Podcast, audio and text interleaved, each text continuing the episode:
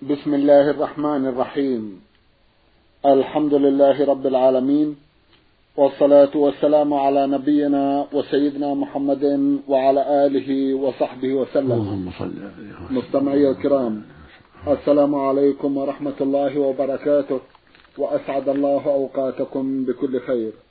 هذه حلقة جديدة مع رسائلكم في برنامج نور على الدرب. رسائلكم في هذه الحلقة نعرضها على سماحة الشيخ عبد العزيز ابن عبد الله بن باز الرئيس العام لإدارات البحوث العلمية والإفتاء والدعوة والإرشاد. مع مطلع هذه الحلقة نرحب بسماحة الشيخ ونشكر له تفضله بإجابة سادة المستمعين فأهلا وسهلا بالشيخ عبد العزيز. حياكم الله وبارك حياكم الله. أولى رسائل هذه الحلقة رسالة وصلت إلى البرنامج من تبوك وباعثها المستمع مصطفى ياسين أحمد خليفة سوداني مقيم في تبوك كما يقول في رسالته. له في هذه الرسالة سؤالان. السؤال الأول يقول إذا صلى الإنسان مع المذياع إذا توافق الزمن بين المصلي والمكان الذي تنقل منه الصلاة علما بأن المصلي في مكان بعيد لا يوجد فيه ناس فهل صلاته والحال ما ذكر تعتبر صحيحة؟ بسم الله الرحمن الرحيم. الحمد لله وصلى الله وسلم على رسول الله وعلى آله وأصحابه ومن اهتدى بهداه. أما بعد فالواجب على كل مؤمن وعلى كل مؤمنة أن يتحرى الوقت وأن يأخذ بالأسباب. فإذا تيقن الوقت أو غلب على ظنه دخول الوقت بالأسباب التي يعتقدها صلى. سواء كان من طريق المذياع أو غير المذياع فإذا سمع الأذان من المذياع وفي محل, محل بعيد والوقت واحد لا يتغير والمذياع قد جرب عليه الصدق وأنه يذيع الحقيقة هذا يغلب على الظن ولا بأس أن يصلي. فإن كان يشك في ذلك وليس عنده ما يغلب ظنه صدق المذياع فإنه يأخذ بالطرق الأخرى ينظر في الوقت يسأل أهل الخبرة. كان الزوال هل زالت الشمس كان العصر هل ظل كل شيء مثله مثله حتى يكون دخل الوقت. كان الغروب إن كان المغرب هل غابت الشمس؟ إن كان العشاء هل غاب الشفق الأحمر؟ يعني كان الفجر قد طلع الفجر. ينظر ويسأل أهل الثقة. حتى يصلي على بصيرة أما بيقين وإلا بغلبة ظن مبني مبني على أسس وعلى علامات. أما المذياع وحده فلا يكفي. إذا كان ليس في ظنه ما يبرره فإن المذياع قد يكون من أناس لا يوثق بهم. فإذا كان المذياع قد جرب عليه الصدق وأن يتحرى الوقت وأن يذيع الحقيقة أو يذيع عن إنسان يتحرى الوقت تسمع صوته أن هذا أذان الظهر أو أذان المغرب أو أذان العشاء وهو موثوق تعرفه فلا بأس بذلك. الحاصل المدار على الثقة. إما يقينا وإما غلب الظن. بالمذياع أو غيره. حتى لا تصلي إلا على بصيرة. نعم. جزاكم الله خيرا. هل للمصلي أن يقتدي بالمصلين في المذياع أيضا أو لا يجوز ذلك؟ لا لا يقتدي بهم لا يقتدي بهم إلا إذا كان في المسجد يسمع صوت الإمام. أما في بيته أو في المحلات الأخرى لا يقتدي بهم يعني يسعى إلى المسجد ويصلي مع الناس. وأما إذا كان في بيته أو في مكان آخر يصلي وحده. لا يصلي بالإمام ولا يعتم بالإمام. نعم. جزاكم الله خيرا. المستمعة ميم عين من الرياض بعثت تسأل عن قص الشعر بالنسبة للمرأة ولا سيما مما هو تحت الأذن. هل يجوز ذلك أو لا يجوز؟ الشعر من الجمال. كل ما طال فهو من جمال المرأة. والمرأة تمدح بطول الشعر ووفرة الشعر. فإذا تركته فهو أولى لها لما فيه من الجمال. وإذا دعت الحاجة إلى تخفيفه أو قص من طوله فلا بأس به لا حرج في ذلك. ليس في الأدلة ما يمنع ذلك. وإذا كان لها زوج فهي تستشيره لأن هذا يتعلق بالجمال. فإذا وافق على تخفيفه فلا بأس بذلك. وأما إذا لم يوافق فلا تعصه لأن له مصلحة في طوله وجمال هذا قد ثبت أن أزواج النبي صلى الله عليه وسلم بعد وفاته جززن من رؤوسهن من أجل الكلفة والمؤونة. فإذا جزت المرأة من رأسها للكلفة والتعب فلا بأس أو لأنها أجمل عند زوجها وأكمل ويحب زوجها ذلك فلا بأس. أما إن كان لأجل مشابهة الكافرات فلا يجوز تشبه الكافرات لا يجوز. جزاكم الله خيرا. المستمع عين غين ميم من حائل بعث برسالة ضمنها بعض الأسئلة في أحدها يقول ذهبت إلى أقارب لي يعملون في أحدى المزارع فأعطوني بعض الخضروات وصاحب المزرعة فيما أعتقد لا يعلم بذلك. هل هذا العمل جائز أو لا؟ الواجب أن لا تأخذ منه شيئا إلا عن علم. لأن صاحب المزرعة يطيب نفسا بذلك. والواجب على العمال ألا ينفقوا إلا بإذن صاحب المزرعة. فإن كنت تعلم أن صاحب المزرعة يسمح بالنفقة من مزرعته من بطيخ أو غيره فلا بأس. وإلا فلا تأخذ شيئا. ولا تساعد العمال على الخيانة. نعم. جزاكم الله خيرا. يقول أصلي والحمد لله في المسجد كل وقت ما عدا صلاة الفجر. ومع كل صلاة أصلي وقتا مثله مما فاتني صغيرا. وسؤالي بالنسبة لصلاة العصر هل أصليها قبل الفرض أو بعده وأعني تلك التي أقضيها. الواجب عليك أن تصلي الصلوات في أوقاتها مع المسلمين في مساجد الله. والفجر كذلك يجب أن تصلي مع المسلمين ولا تشبه بالمنافقين. يقول النبي صلى الله عليه وسلم أثقل الصلاة على المنافقين صلاة العشاء وصلاة الفجر. والله يقول سبحانه إن المنافقين يخادعون الله وهو خادعهم وإذا قاموا إلى الصلاة قاموا كسالى فلا يجوز التشبه بالمنافقين لا في الفجر ولا في غيرها. بل الواجب عليك أن تصلي مع الناس الفجر وغيره. في الجماعة في المساجد. والذي مضى عليك من الصلوات إذا كنت تركت ذلك فالتوبة كافية. ما ليس عليك قضاء ما مضى. سواء كان ذلك قبل البلوغ فإن فعل ليس عليك شيء أو بعد البلوغ ثم تاب الله عليك فالتوبة تجب ما قبلها وليس عليك القضاء.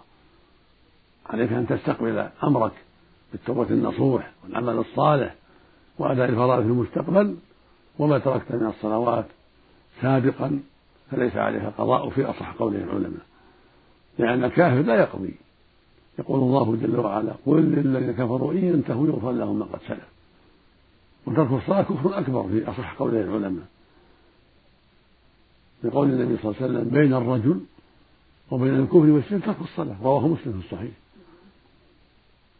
ولقوله عليه الصلاة والسلام العهد الذي بيننا وبينهم الصلاة فمن تركها فقد كفر.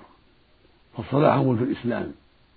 من تركها من الرجال والنساء كفر إذا كان عمدا. أما إذا كان نسيان أو عن نوم فإذا استيقظ أو ذكر يصلي.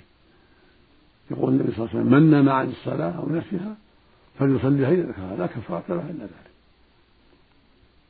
وليس لأحد أن يتأخر عنها عمدا سواء كانت الفجر أو غير الفجر. يجب على المؤمن أن يحافظ عليها وهكذا المؤمنة يجب على الجميع المحافظة على الصلاة في أوقاتها والعناية بذلك والحرص على أدائها في الوقت. الرجل يؤديها في الجماعة في مساجد الله والمرأة تؤديها في البيت. فمن تعمد تركها من غير عذر شرعي بل للتساهل فهو كافر في أصح قوله العلماء. وإن كان جهدا لوجوبها كفر بإجماع المسلمين نسأل الله العافية. وقال جماعة من العلم جماعة من أهل العلم أنه لا يكفر إذا تركها تساهلا لا جهدا لوجوبها ولكنه قد أتى كبيرة عظيمة أعظم من الزنا والسرقة. وليترك الصلاة عمدا وإن كان غير جاحد لوجوبها هو أتى منكرا عظيما سماه النبي كفرا. لكن الأكثرون على أنه كفر دون كفر. ولكن الصح الأصح من قوله العلماء أنه كفر أكبر. وهو المروي المروي عن الصحابة رضي الله عنهم وأرضاهم أنه كفر أكبر. فالصلاة عمود الإسلام من أضاعها أضاع دينه. ومن حفظها حفظ دينه. لكن من تركها ثم هداه الله وتاب الله عليه عليه يستقبل أمره وليس عليه قضاء ما فات بل التوبة تجب ما قبله والإسلام يهدم ما كان قبله. والله المستعان. نعم. الله المستعان. جزاكم الله خيرا. رسالة وصلت إلى البرنامج من أحد الإخوة المستمعين سمى نفسه جعفر محمد عبد الله مقيم في ضواحي مدينة العلا الشمالية. الأخ جعفر يسأل ويقول أنا تزوجت العام الماضي ولم أعمل في زواجي حفلات لأنني خفت من اختلاط الرجال والنساء. فقال لي بعض الناس الحفلة لازمة حتى تعلن النكاح وأخشى إن عملت الاحتفال أن يحدث الاختلاط فأتحمل الإثم. وجهوني كيف أتصرف؟ جزاكم الله خيرا. الواجب إعلان النكاح. الواجب إعلان النكاح. حتى يعلم الناس أن فلان تزوج. وفلان تزوجت. لأن عدم الإعلان يجعله كالزنا. فالواجب إعلان النكاح بالحفلة التي تكون ليلة الزفاف ولو على قهوة وشاي. هم لزم وليمة. لكن السنة وليمة. النبي عليه الصلاة والسلام قال أولم ولو بشاة. قد أوجب ذلك بعض أهل العلم. وليس من اللازم الاختلاط تولم وليمة خفيفة ولو بشاة أو شاتين تدعو إلى من تحب من أخوانك الطيبين والنساء مع النساء إذا كان لك أقارب والاختلاط ليس مانعا من خوف الاختلاط ليس مانعا من الوليمة والإحتفال الشرعي. بل عليك أن تحتفل بالإحتفال الشرعي الاحتفال الشرعي بإعلان النكاح وجمع مشيعين لك. قليلين سواء قليلين أو كثيرين على قهوة أو عشاء. وتمنع الاختلاط؟ بالقوة. لا تجعل الاختلاط. يكون النساء مع النساء. الرجل يكون عنده قوة عنده إيمان يمنعه من الاختلاط. أما أن يدع السنة يدع المشروعات خوف الاختلاط هذا جبن وضعف لا يليق بالمؤمن. بل يجب أن يكون عنده من القوة ما ما يمكنه من إقامة السنن والمشروعات ومنع ما حرم الله. تمنع الاختلاط وتقيم ما شرع الله. وإلا فلا تدعو النساء بالكلية. تدعو الرجال وأقم الاحتفال بالرجال فقط. والحمد لله. واصنع الوليمة بما يسر الله من شاة أو شاتين أو أكثر من ذلك. تدعو إليها الجيران والأقارب. والخلاصة أنه لا بد من إعلان النكاح. لا بد من إعلانه ولو بجمع الناس على شاي. حتى يعلم الناس أنه نكاح. حتى يعلم الجيران والناس أنه تزوج فلان ويستحب الضرب عليه بالدف يضربه النساء بالدف ولو قليلا ولو ربع ساعة ولو نصف ساعة بالدف بين النساء خاصة بدون اختلاط نعم. جزاكم الله خيرا. ما رأي الشرع إذا رفضت المرأة الحجاب؟ علما بأن النساء عندنا لا يحتجبن فما هو توجيهكم؟ جزاكم الله خيرا. تعالج الأمور بالحكمة. المؤمن يعالجها بالحكمة. يدعوها إلى الحجاب ويبين لها حكم الحجاب وأنه واجب وأن الله شرع لها الحجاب وأنها عورة وفتنة إذا لم تحتجب يعالج الأمور بالحكمة والكلام الطيب. يقول الله سبحانه وإذا سألتموهن متاعا فاسألوهن من وراء حجاب ذلكم أطهر لقلوبكم وقلوبهن. فيتلو عليها هذه الآية؟ بين لها حكم الحجاب. وهكذا قوله سبحانه ولا يبدين زينتهن إلا لبعولتهن أو آبائهن أو آباء أو آباء بعولتهن الآية. وهكذا قوله سبحانه يا أيها النبي قل لأزواجك وبناتك ونساء المؤمنين يدنين عليهن من جلابيبهن. ذلك أدنى يعرفن فلا يؤذين. وفي الصحيحين عن عائشة رضي الله عنها أنها قالت لما سمعت استرجاع صفوان في الغزوة التي حجر فيها كلام أهل الإفك قال لما سمعت صوته تخمرت وعرفني لأنه كان قد رآني قبل الحجاب يعني قبل أن نؤمر بتحميل الوجه لأنه قد رآني قبل الحجاب فعرفني فلما سمعت صوته خمرت وجهي. دل على أن قد استقر عندهم بعد نزول الحجاب أن الوجه يخمر ويستر وهذا أطهر للقلوب وأنفع وأبعد عن الشبهة وأبعد عن الشر. فأنت يا عبد الله تعالج الزوجة بالكلام الطيب والأسلوب الحسن حتى تستقيم إن شاء الله. نعم. جزاكم الله خيرا. يقول أنا أقرأ القرآن قبل صلاة الفجر أو بعدها وأسكن مع أناس في خيمة وهم يقولون لا تقرأ القرآن ونحن نائمين. وجهوني جزاكم الله خيرا. نعم لا ترفع صوتك تقرأ بينك وبين نفسك. لا ترفع صوتك حتى توقظهم ولكن تقرأ قراءة تنفعك ولا تؤذيهم. نعم. أو تنتقل مكان بعيد عنهم. نعم. جزاكم الله خيرا. سنعود إلى بقية أسئلتك يا أخ جعفر في حلقة قادمة إن شاء الله تعالى. رسالة من المستمع عبد القادر بلال. يقول هل يوجد دليل واضح من كتاب الله؟ يحرم مصافحة المرأة الأجنبية علما بأنني ملتزم بعدم المصافحة. جزاكم الله خيرا. نعم. مصافحة النساء الأجنبيات لا تجوز. لأن الرسول صلى الله عليه وسلم قال إني لا أصافح النساء. وقالت عائشة رضي الله عنها والله ما مست يد رسول الله صلى الله عليه وسلم يد امرأة قط. ما كان يبايعهن إلا بالكلام والقرآن يقول الله فيه لقد كان لكم في رسول الله أسوة حسنة لمن كان يرجو الله واليوم الآخر. ويقول الله سبحانه في القرآن وما آتاكم الرسول فخذوه وما نهاكم فأنتهوا. ويقول سبحانه قل أطيعوا الله وأطيعوا الرسول فإن تولوا فإنما عليه ما حمل وعليكم ما حملتم وإن تطيعوه تهتدوا. فطاعة الرسول صلى الله عليه وسلم واجبة علينا وفيها الهداية وكان لا يصافح النساء لما في هذا من الفتنة. لمس يد المرأة فيها فتنة فيه فتنة. قال بعض أهل العلم إنه أشد من النظر.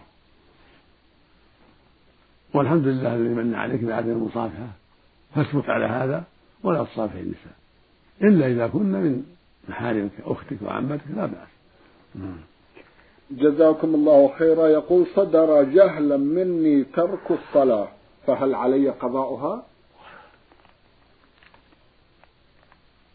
نعم عليك أن تقضي الصلاة. إن كنت جاهل في أول شبابك ثم فهمت عليك أن تقضيها وتصلي ما تركت جهلا.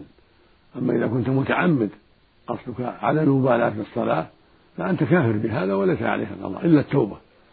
أما إذا كان لها أسباب الجهل له أسباب مريض أو شبه ذلك ظننت أنه لا صلاة عليه فتقضي. إذا بين لك وعلمت تقضي ما فاتك. كالمريض الذي ظن أنه لا يصلي حتى يطيب حتى يستطيع يصلي وهو واجب هذا يصلي ما ترك إذا شفي. فإن لم يشفى يصلي وهو على حاله قائما أو قاعدا أو على جنبه وهكذا بعض الناس إذا ظن أنه إذا ما حصل الماء ما يصلي حتى يحصل الماء شبهة. هذا هذا يصلي أيضا يقضي ما فات. لأن تركها شبهة ما هو بقصد التعمد والمخالفة. نعم. فالحاصل أن الإنسان إذا تركها عمدا لتأويل وشبهة هذا يقضي. أما إذا تركها عمدا لقلة المبالاة وعدم المبالاة بالصلاة وعدم العناية بها والزهد فيها وعدم المبالاة فهذا عليه التوبة إلى الله فقط. فقد كفر. وعليه التوبة في وليس عليه قضاء في أصح قول العلماء. نعم. جزاكم الله خيرا. ما هي الوسائل التي يمكن اتباعها لحفظ كتاب الله؟ العناية بالحفظ والتكرار نعم. والصبر. في الأوقات المناسبة من الليل والنهار تكرر تأخذ شيئا فشيئا مع العناية وتكرار التلاوة. تتحرى الأوقات المناسبة إلا فيها شغل القلب يكون القلب فارغ. كذلك من أسباب الحفظ المدارسة مع الإخوان الطيبين والتعاون مع الإخوان الطيبين. وأعظم من ذلك سؤال الله والضرعة إليه أن يعينك ويوفقك ويمنحك السداد كل هذا من أسباب الحفظ. فعليك أن تجتهد وتحرص على الرفيق الطيب وعليك أن تسأل الله التوفيق والإعانة. وأبشر بالخير جزاكم الله خيرا. هل يجوز للنساء زيارة القبور؟ علما بأن الزيارة تذكر الإنسان الآخرة. النساء ليس عليهن زيارة ليس لهن زيارة. الزيارة للرجال. يقول النبي صلى الله عليه وسلم زوروا القبور فإنها تذكركم الآخرة. فيسحب الرجل يزور القبور من دون شد رحل يزورها في البلد. يذكر الله يدعو الله لهم. بالمغفرة والرحمة. ويتذكر بهذا أنه صار إلى ما صاروا إليه وأن الموت لا بد منه حتى يستعين. يقول النبي صلى الله عليه وسلم زوروا القبور فإنها تذكركم الآخرة وكان يعلم أصحابه رضي الله عنهم يقول لهم إذا زاروا القبور أن يقولوا السلام عليكم أهل الديار من المؤمنين والمسلمين وإنا إن شاء الله بكم لاحقون. نسأل الله لنا ولكم العافية. في رواية يرحم الله المستقدمين منا والمستأخرين. ولا يشد الرحل بل هذا في البلد. لأن الرسول نهى شد الرحال إلا إلى ثلاث مساجد المسجد الحرام والمسجد بهذا والمسجد الأقصى. المسجد المدينة والمسجد الأقصى. هي تشد لها الرحال. فالقبور لا يشد لها الرحال لكن إذا إذا زار القبور في بلده أو زار بلدا للتجارة أو لغيرها فزار قبورها هذا مستحب وفيه خير عظيم. أما النساء فقد جاء في الحديث لعن زائرات القبور. فلا يزورن القبور لأن جاء في الحديث لعنهن على ذلك لأنهن فتنة وصورهن قليل. فلا يزورن القبور جزاكم الله خيرا. كيف نصلي على الميت؟ وما هي الأدعية المأثورة؟ نصلي عليه أربعا أربع تكبيرات. وأنت واقف تصلي عليه مع إمامك. تكبر أربع تكبيرات. تقرأ بعد الأولى الفاتحة الحمد لله رب العالمين. وما تيسر معها من آيات أو, أو سور قصيرة. ثم تكبر تصلي على النبي صلى الله عليه وسلم. كما تصلي في الصلاة. ثم تكبر الثالث وتدعو الميت بما يسر الله. ومنها اللهم اغفر لحينا وميتنا وشاهدنا وغائبنا وصغيرنا وكبيرنا وذكرنا وأنثانا. اللهم من احييته منا فاحيا الإسلام. ومن توفيته منا توفى على الايمان اللهم اغفر له وارحمه وعافيه واعف عنه واكرم نزله ووسع مدخله وارسله الماء والثلج والبرد ونقه من الخطايا كما ينقى الثوب من الدنس. اللهم أبدل خيرا من داره واهل خير من أهله. اللهم ادخله الجنة واعذ من عذاب القبر ومن عذاب النار. واسع له في قبره ونور له فيه. منها اللهم لا تحرمنا أجره ولا تضلنا بعده. إلى غير هذا المورد يدعو الإنسان بهذا وما أشبه المورد من الدعوات الطيبة. ثم يكبر الرابعه ويسلم عن يمينه كبر الرابعه يسكت قليلا ثم يقول السلام الله عن يمينه هذه الصفه الشرعية لصلاة الجنازة. جزاكم الله خيرا. هذا إذا تيسر له ذلك. أما إذا فاتته فلا شيء عليه قضاء.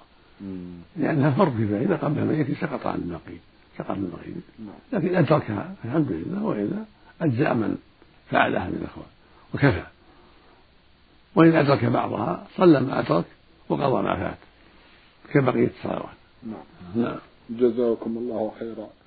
ما الحكم الشرعي في نظركم في أناس لا يقيمون الصلاة إلا في شهر رمضان؟ هل يصح صيامهم؟ من ترك الصلاة كما تقدم كفر ولا يصح صيامه. في أصح قول العلماء. لقوله صلى الله عليه وسلم بين الرجل وبين الكفر والشرك ترك الصلاة. ولقوله صلى الله عليه وسلم العهد الذي بيننا وبينهم الصلاة فمن تركها فقد كفر. مع أحد أخرى في ذلك. نعم. نسأل الله العافية. اللهم آمين. جزاكم الله خيرا. المستمع محمد محمد وشلي من اليمن بعث يسأل ويقول هل للجمعة سنة قبلية واردة عن الرسول صلى الله عليه وسلم أو صحابته من بعده؟ حيث كنت أصليها مع أهل البلد يوم الجمعة فلما علمت من بعض الكتب المقررة علينا في الدراسة أنها ليست سنة كما يظن البعض تركتها. فأنكر علي بعض الإخوة ذلك. أرجو أن توجهوني إلى الطريق الصحيح. جزاكم الله خيرا. ليس لها راتبة معينة ولكن يشرع قبلها الصلاة. ما تيسر اثنتين أو أربعة أو أكثر من ذلك. مثل ما قال النبي صلى الله عليه وسلم من اغتسل ثم أتى الجمعة فصلى ما قدر له. ثم أنصت حين يتكلم الإمام ولم يفرق بين اثنين. كان كتب كان له كان له غفر له ما بينه وبين الجمعة الأخرى وفضل ثلاثة أيام. فقول فصلى ما قدر له. يفيد أنه يصلي ما تيسر. وفي اللفظ الآخر من توضأ يوم الجمعة. ثم أتى الجمعة فصلى ما قدر له. ثم أنصت حين يتكلم الإمام غفر له ما بينه وبين الجمعة الأخرى وثلاثة أيام. فقول فصلى ما قدر له يعني يصلي ما تيسر. اثنتين تسليمتين ثلاث أربع يصلي معه. يسر الله حتى يخرج الإمام. فإذا خرج الإمام جلس يستمع. وأقلها سنة التحية أقل شيء ركعتان. تحية المسجد أول ما يدخل المسجد. فإذا صلى معها زيادة فهو مشروع. لكن ليست راتبة ما تسمى راتبة. تطوع قبل قبل الجمعة. أما بعدها فلها راتبة. ثنتان أقلها وأربع أكثرها. أربع ركعات تسليمتين نعم. جزاكم الله خيرا. من الأردن المستمعة عين غين شين تقول عن نفسها أنا امرأة مسلمة في الرابعة والعشرين من عمري لم أكن أصم ولم أكن أصلي حتى بلغت العشرين.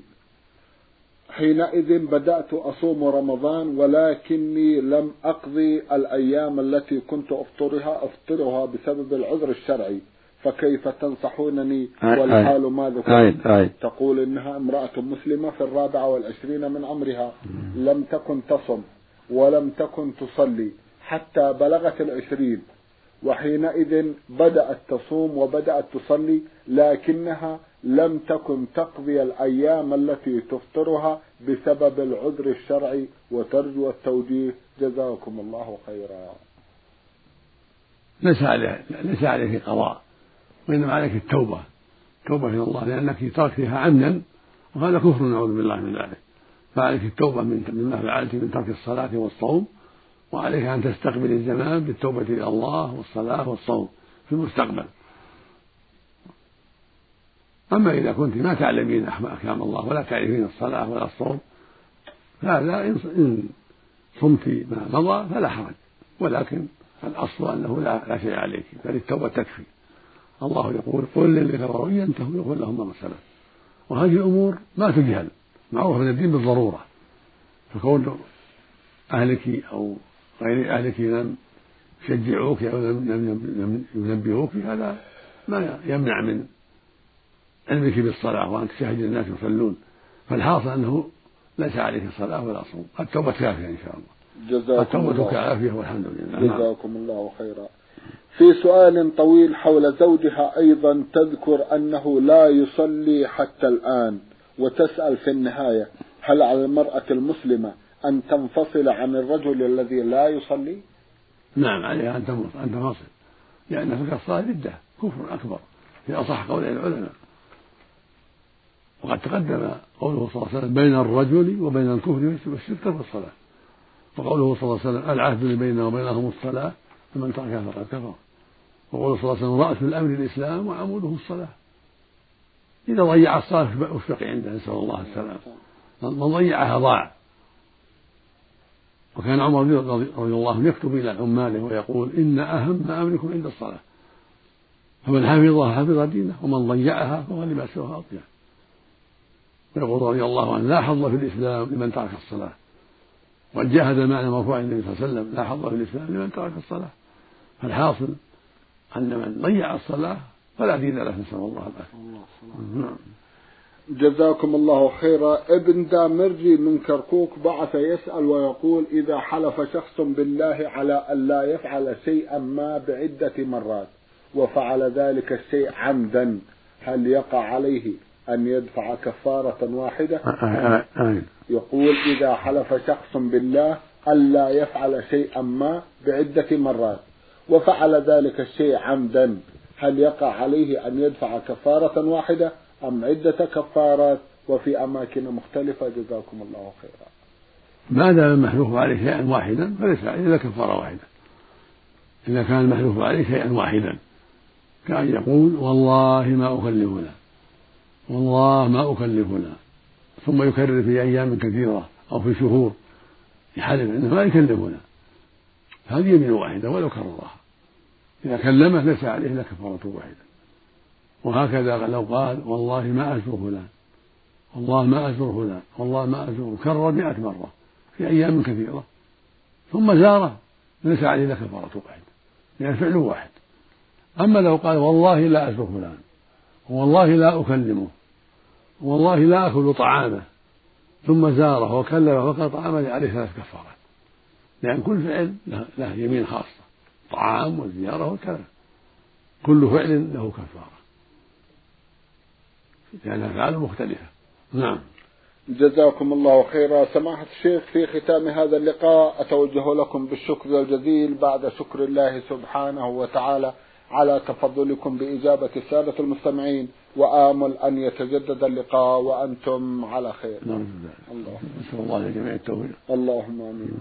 مستمعي الكرام كان لقاؤنا في هذه الحلقة مع سماحة الشيخ عبد العزيز ابن عبد الله بن باز الرئيس العام لإدارات البحوث العلمية والإفتاء والدعوة والإرشاد. شكرا لسماحته.